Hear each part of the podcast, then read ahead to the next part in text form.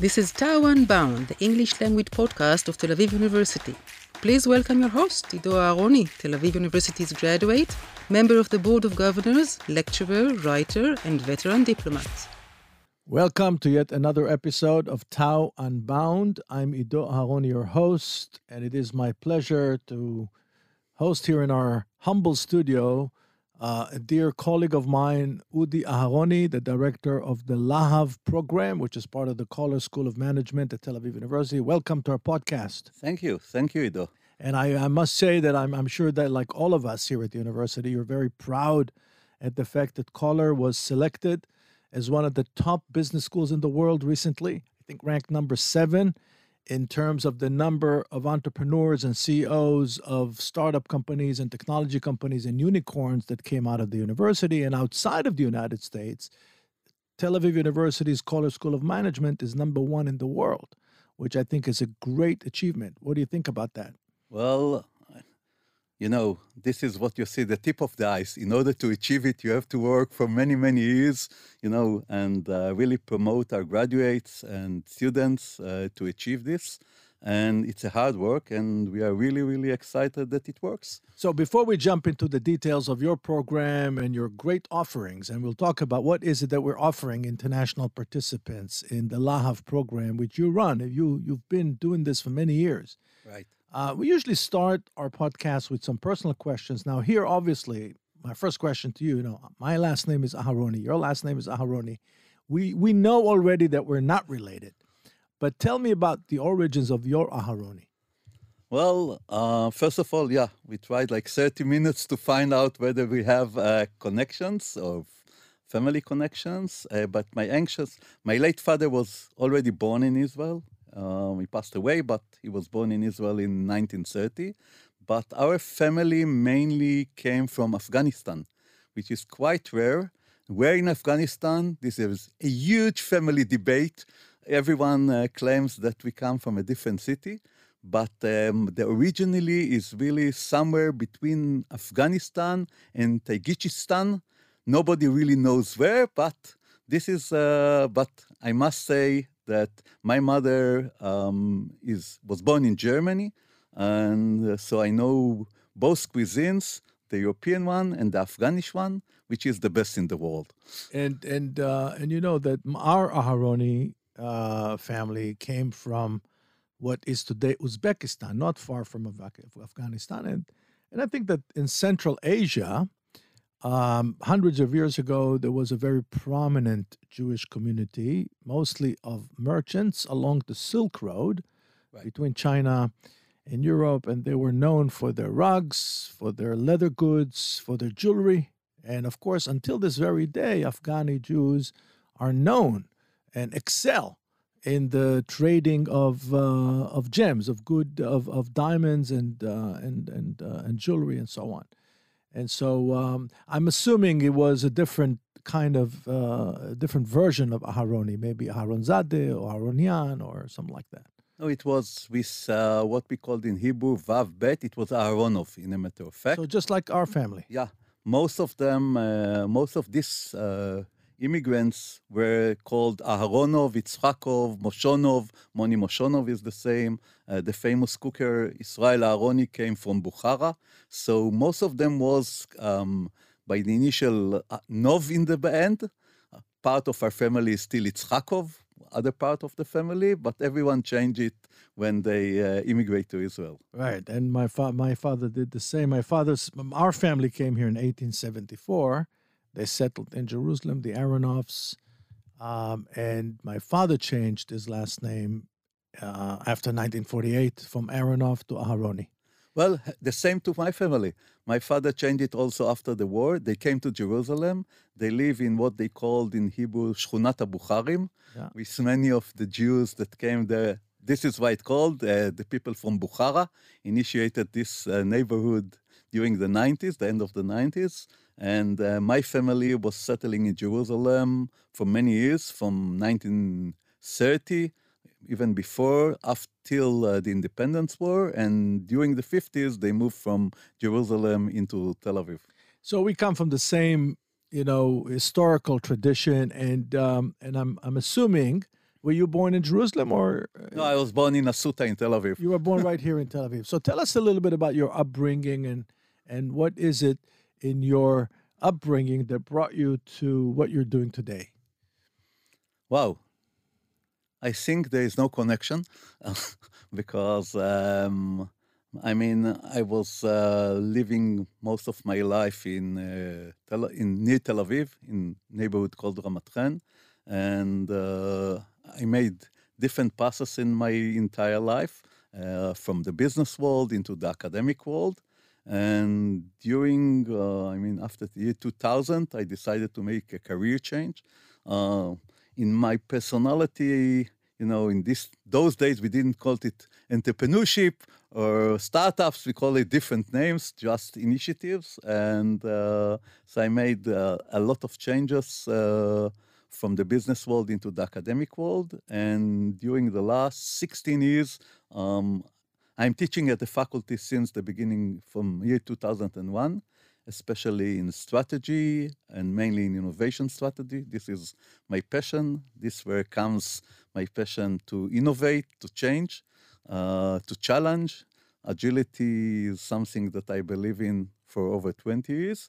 And uh, this is what I'm doing since So 2006. I'm very curious to hear about strategy in business, uh, and I'll tell you why in a second. But before that, tell us about your business experience. So before you you moved to the academic world, you actually worked in the business world. What was your experience like? Oh, mainly international business, mainly with traditional countries like in Europe and so forth, mainly import and uh, export. Uh, so I was very familiar with international activities. And already since then, I know that, you know, as an Israeli, small country far away from all major markets, to just work locally, really, I mean, you cannot really evolve very much. So, and I think as Israelis, we have to contribute to the world and can learn a lot from the world and bring another way of thinking. And this was I was doing through all my career. Now, there's a, you know, the conventional wisdom is that Israelis are very good when it comes to finding solutions to problems that others think that are insurmountable. Israelis are very good in improvisation. Israelis are very good finding tactical solutions to problems. But at the same time, Israelis are very bad when it comes to the ability to develop long term strategy. Now, two questions for you. The first, is this your impression too? Second, and if so, what would you say is characteristic to the Israeli business community when it comes to strategy? Well, first of all, I agree with it totally. Um, this is one of the reasons uh, in 2005 we initiated at our school uh, the Eli Hurvitz uh, Institute of for Strategic uh, Management. Um, the the first one who really uh, was the chairman of this was, of course, Eli Hurvitz, who is known in Israel as Mr. Strategy, and the main purpose was really to change the mindset of short term into long term perspectives. I think Israelis are lack of long term perspectives. There are many reasons for it. Some of them are correct. You know, we are living in an agile world. We live in an uncertain environment. But if you look globally, you see a lot. You know, many people ask me about big companies in Israel. I think there are not many companies in Israel beside, you know, some government entity or uh, other uh, big uh, weapon companies uh, that have revenues over $3 billion. Why? Because we think for the short term. This is one of our benefits. We know how to really solve problems. This is how we part of how we developed uh, this tremendous ecosystem. On the other hand, how many companies you know, like Checkpoint, that made the whole way from a garage startup till billions of revenues, and with IPO and so forth. Many, as you see, many many startups are selling themselves by the end of the day because most of the mergers and acquisitions these are just acquisition by big companies to the big guys you know uh, for a valuation of 100 or 200 or 300 million dollars and the question is whether we can do different So I really believe that we should really develop in Israel much more strategic way, um, much more long-term in perspective, but it's still a challenge that um, of, I mean, I ran this institute for 14 years, and this was our main purpose, but it's still a huge challenge to think, uh, to educate executives in Israel for long-term thinking rather than uh, short-term thinking. You know, one of the explanations as to this phenomenon that you just described is that we, the Israelis, are programmed always to give priority to the urgent over the important. And the reason is because we are programmed to deal with threats. And because of the geopolitical predicament, the state of Israel has been in a state of emergency since 1948. And I would argue that perhaps since 1945, since the Arab economic boycott, which was meant to suffocate the little economy that we had here in 1945. So, so given the fact that you will always find that the in the eyes of the Israeli typical manager, the urgent always takes precedent over the important. How can we change that? What is it that we can show them and teach them to make them internalize uh, the need to develop long term strategy? Well, this is an interesting question because, as a one who believes in long term strategy, I may ask you the opposite idea. Why? Because, first of all, we are a small country. These are facts. We are far away from all major markets. This is a fact as well. So maybe the solution is less developing, and it's not my opinion, it's just, you know, broad thinking maybe the solution is thinking more about collaboration opportunities.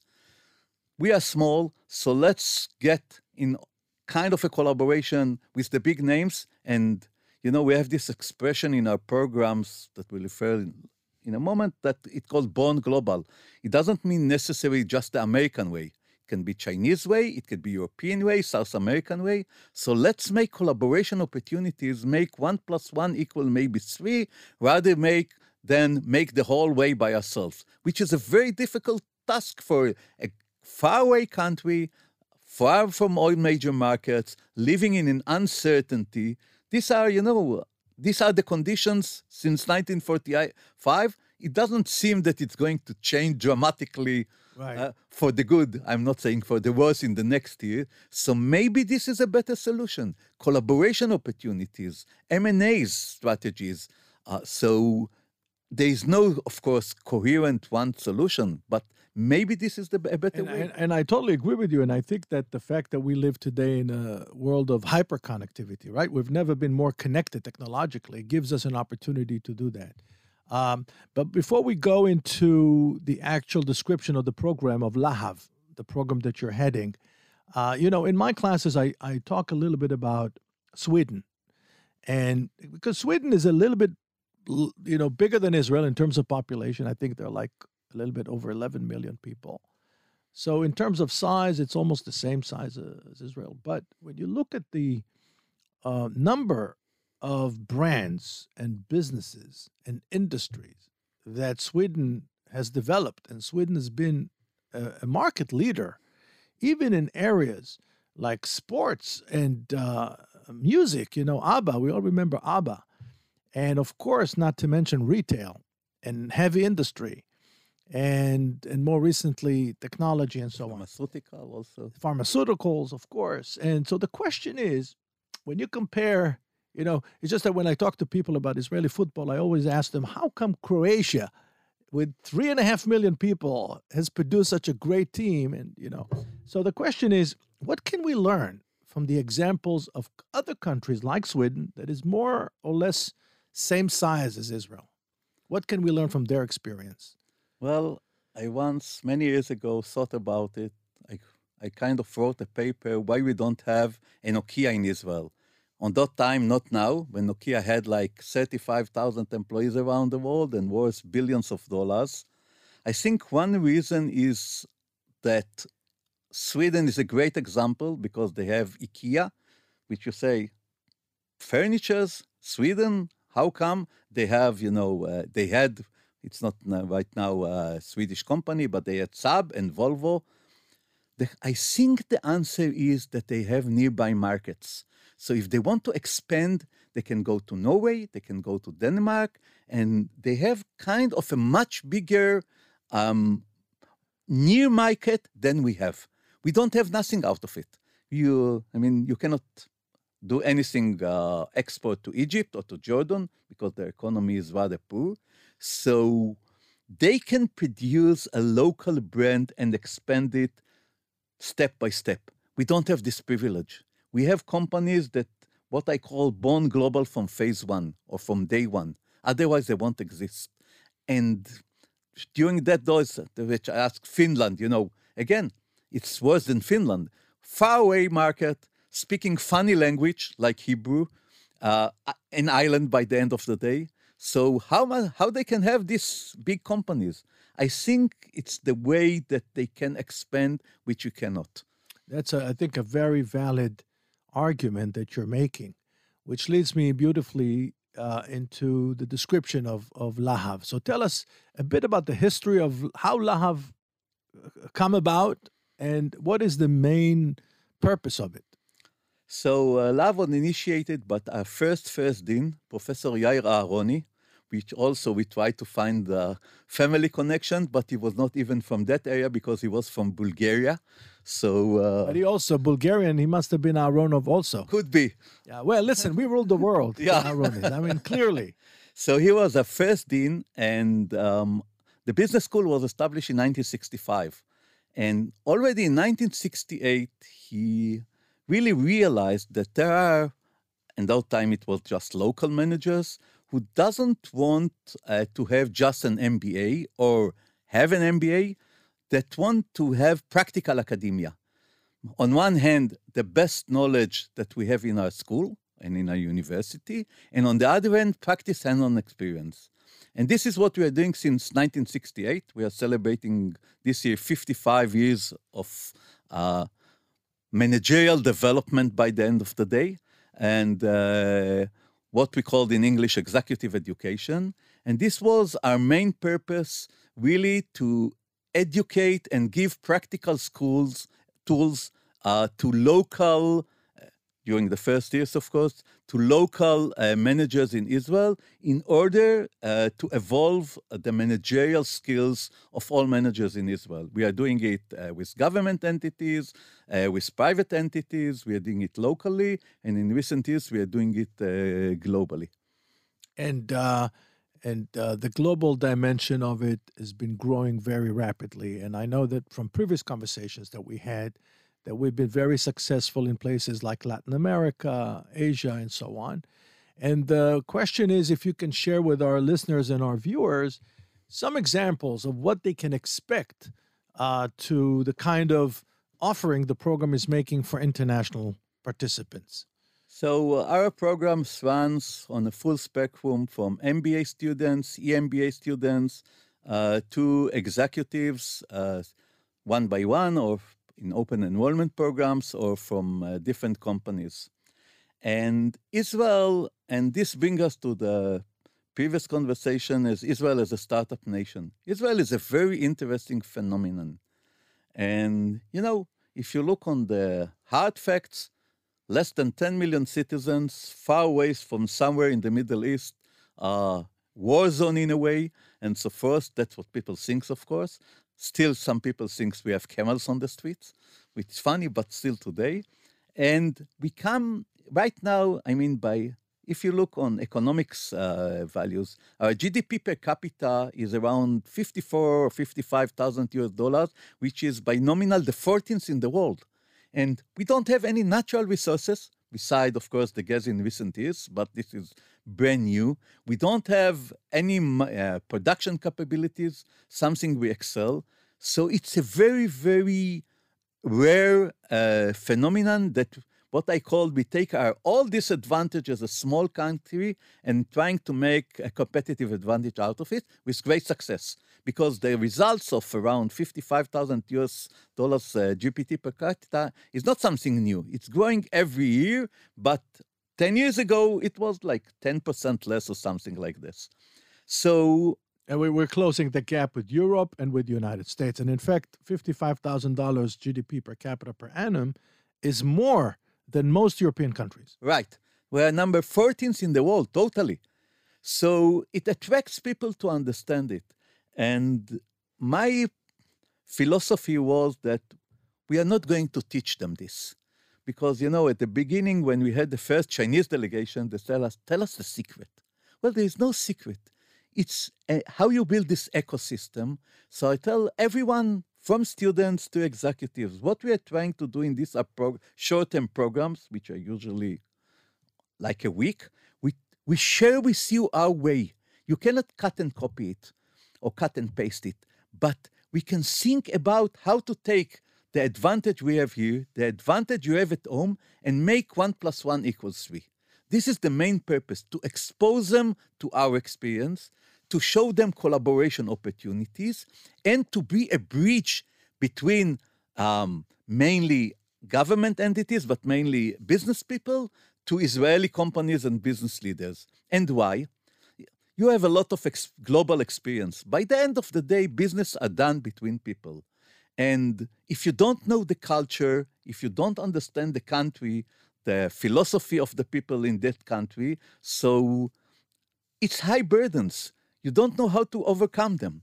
So when they come to a public university like Tel Aviv University, the leading university in Israel, they trust us that we will really expose them to reality, that we really will show them how it really happens. So it's narrow the gaps, it's lower the burdens that we have. So after a visit here, I always have kind of an expression at the end of each program, and I say to each participant, the end of the program is just the beginning of our relations. Now you know Israel much better. Now the Israelis know your company or people from your country much better. And then this is the way for the next step. And we are trying to help them to have the next step in Israel. As a public entity, we get a lot of help from the Foreign Office uh, Ministry. We get a lot of help from the Innovation Authority because by the end of the day, you know, we are all the same public entity that should help Israeli companies. Right. We're all working towards the same goal.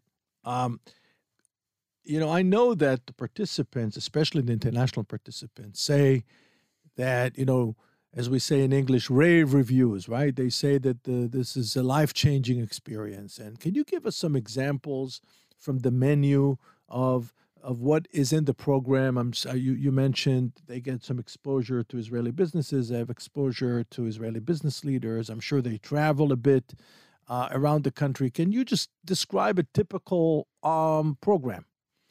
Well, usually these programs are more or less like a week, and we bring two aspects. We bring the managerial aspects, so we expose them to the development of the ecosystem how we developed uh, the high tech ecosystem, uh, meeting with, uh, you know, one hand, um, macroeconomic people. On the, on the other hand, they see a lot of startups, visit a lot of interesting places, like even a kibbutz, which is, you know, we call it the first Israeli startup. It's a very interesting phenomenon.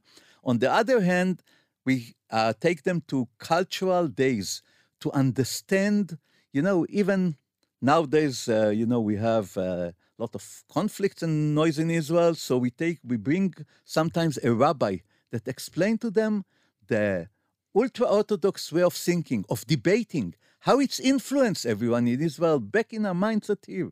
So they see that Israel is not what they hear in the news, always troubles and uh, all kinds of conflicts they have. They see that Israel is totally different. That life in Tel Aviv is, first of all, much safer and much more fun than most of the cities in the world.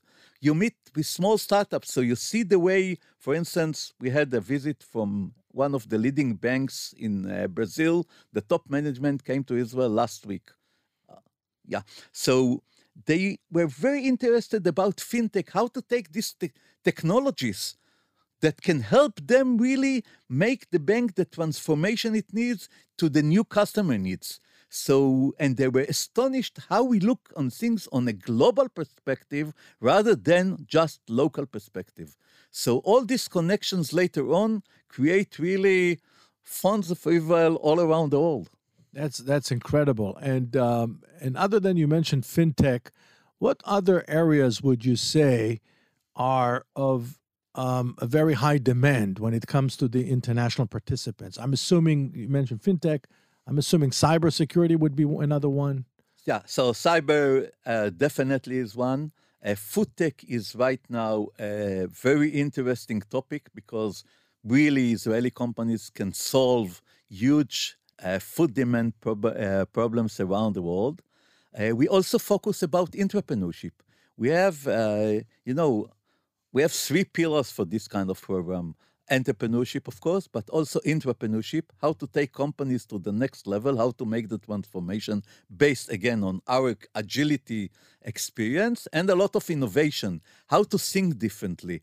For instance, uh, you know, you know the government um, environment very well, so the an institute like the Innovation Authority, for instance, is something that countries don't have. We have it, you know, in purpose because part of uh, the Israeli success is the government support in uh, R&D, uh, the Innovation Authority. You know, in Israel, we are the first in the world uh, with investment in R&D per capita, 4.4 to 5 percent every year. This is one of the things that really pushed Israel. We have the university research. So to, to understand uh, how we take, uh, how we build Ramot, as a commercialization uh, or technology transfer tech company within universities to take the academic research and to make it practical and on experience, this is something that for us it looks like, well, this is our life. Of course, this is how it is, but it's not for everyone in the world. So to understand this, we have, you know, professors from university that said, well, we never thought that it could be maybe, yeah, we know MIT and that's it how it's happening again in Israel, how you are doing it differently. And this is really what they are trying and what we share with them. How we share our, we don't try to teach them anything. We try to share with them our experience. And I think that another angle, of course, is the very healthy relationship and interface that exists between the Israeli ecosystem and the security establishment, especially the army. Uh, you mentioned MIT. MIT is known for its relationship with an agency in the U.S. government called DARPA. The DARPA is part of the American security establishment that is producing great deal of innovation. In fact, some people claim that the internet was invented by DARPA, but uh, I read it somewhere. I, I don't know if uh, if it's if it's true. I'm assuming it's true. Why not? DARPA is uh, responsible for amazing stuff that changes everybody's life. Uh, I can I can spend hours with you really, Udi. But uh, before we conclude, I wanted to ask you about the future. What would you like to see happening in your program, Lahav, that we're here to discuss? What would you like to see happening in the future? Uh, in which way you'd like to upgrade the program going forward? Well, it's a long vision, but I hope that in the future we will be the hub a world hub for all those kind of activities, not single ones from China or from the States or from Europe, to be a real hub as Tel Aviv University, as Coller School of Management, as Lahav, to a kind of an innovation hub uh, that will be really uh, the spotlight for all the world. This is uh, my long-term goal. You. Thank you so much for articulating this vision. And uh, for our viewers and listeners, I just would like them to know that Tel Aviv University is about over 30,000 students, about 10,000 employees. So it's a community of about 40 to 50,000 people. Um, it's the number one producer of entrepreneurs in the country. When you look at the number of CEOs of technology companies and unicorns, as I mentioned at the, at the outset, Coller School of Management produced outside of the United States more CEOs of unicorns than any other university in the world. And I think that's quite an achievement. And you're running Lahav, which is a training program uh, for practical management for people from all over the world. So we have tens of thousands of listeners uh, to this podcast, and I hope that some of them, uh, their interest was sparked by this conversation, and maybe uh, you'll see a spike in the number of registrations coming from overseas. Well, we really hope so. Uh, we are most of our programs are tailor-made, so not by only to individuals, companies, universities. You are more than welcome, and we'll be really, really happy to host you. And I want to thank you, Ido, for inviting me. And we hope to see all our listeners, not all of them, 10% of our listeners here in Israel. I'm, It's I'm a sure. beautiful country. Well, we are you- you- waiting for you. You've done a great job uh, sharing with us really the beauty and the magic of your program. And to our listeners and viewers, goodbye from Tel Aviv until our next episode. Bye bye. This is TAU Unbound, the English language podcast of Tel Aviv University. Please welcome your host, Ido Aharoni, Tel Aviv University's graduate, member of the Board of Governors, lecturer, writer, and veteran diplomat.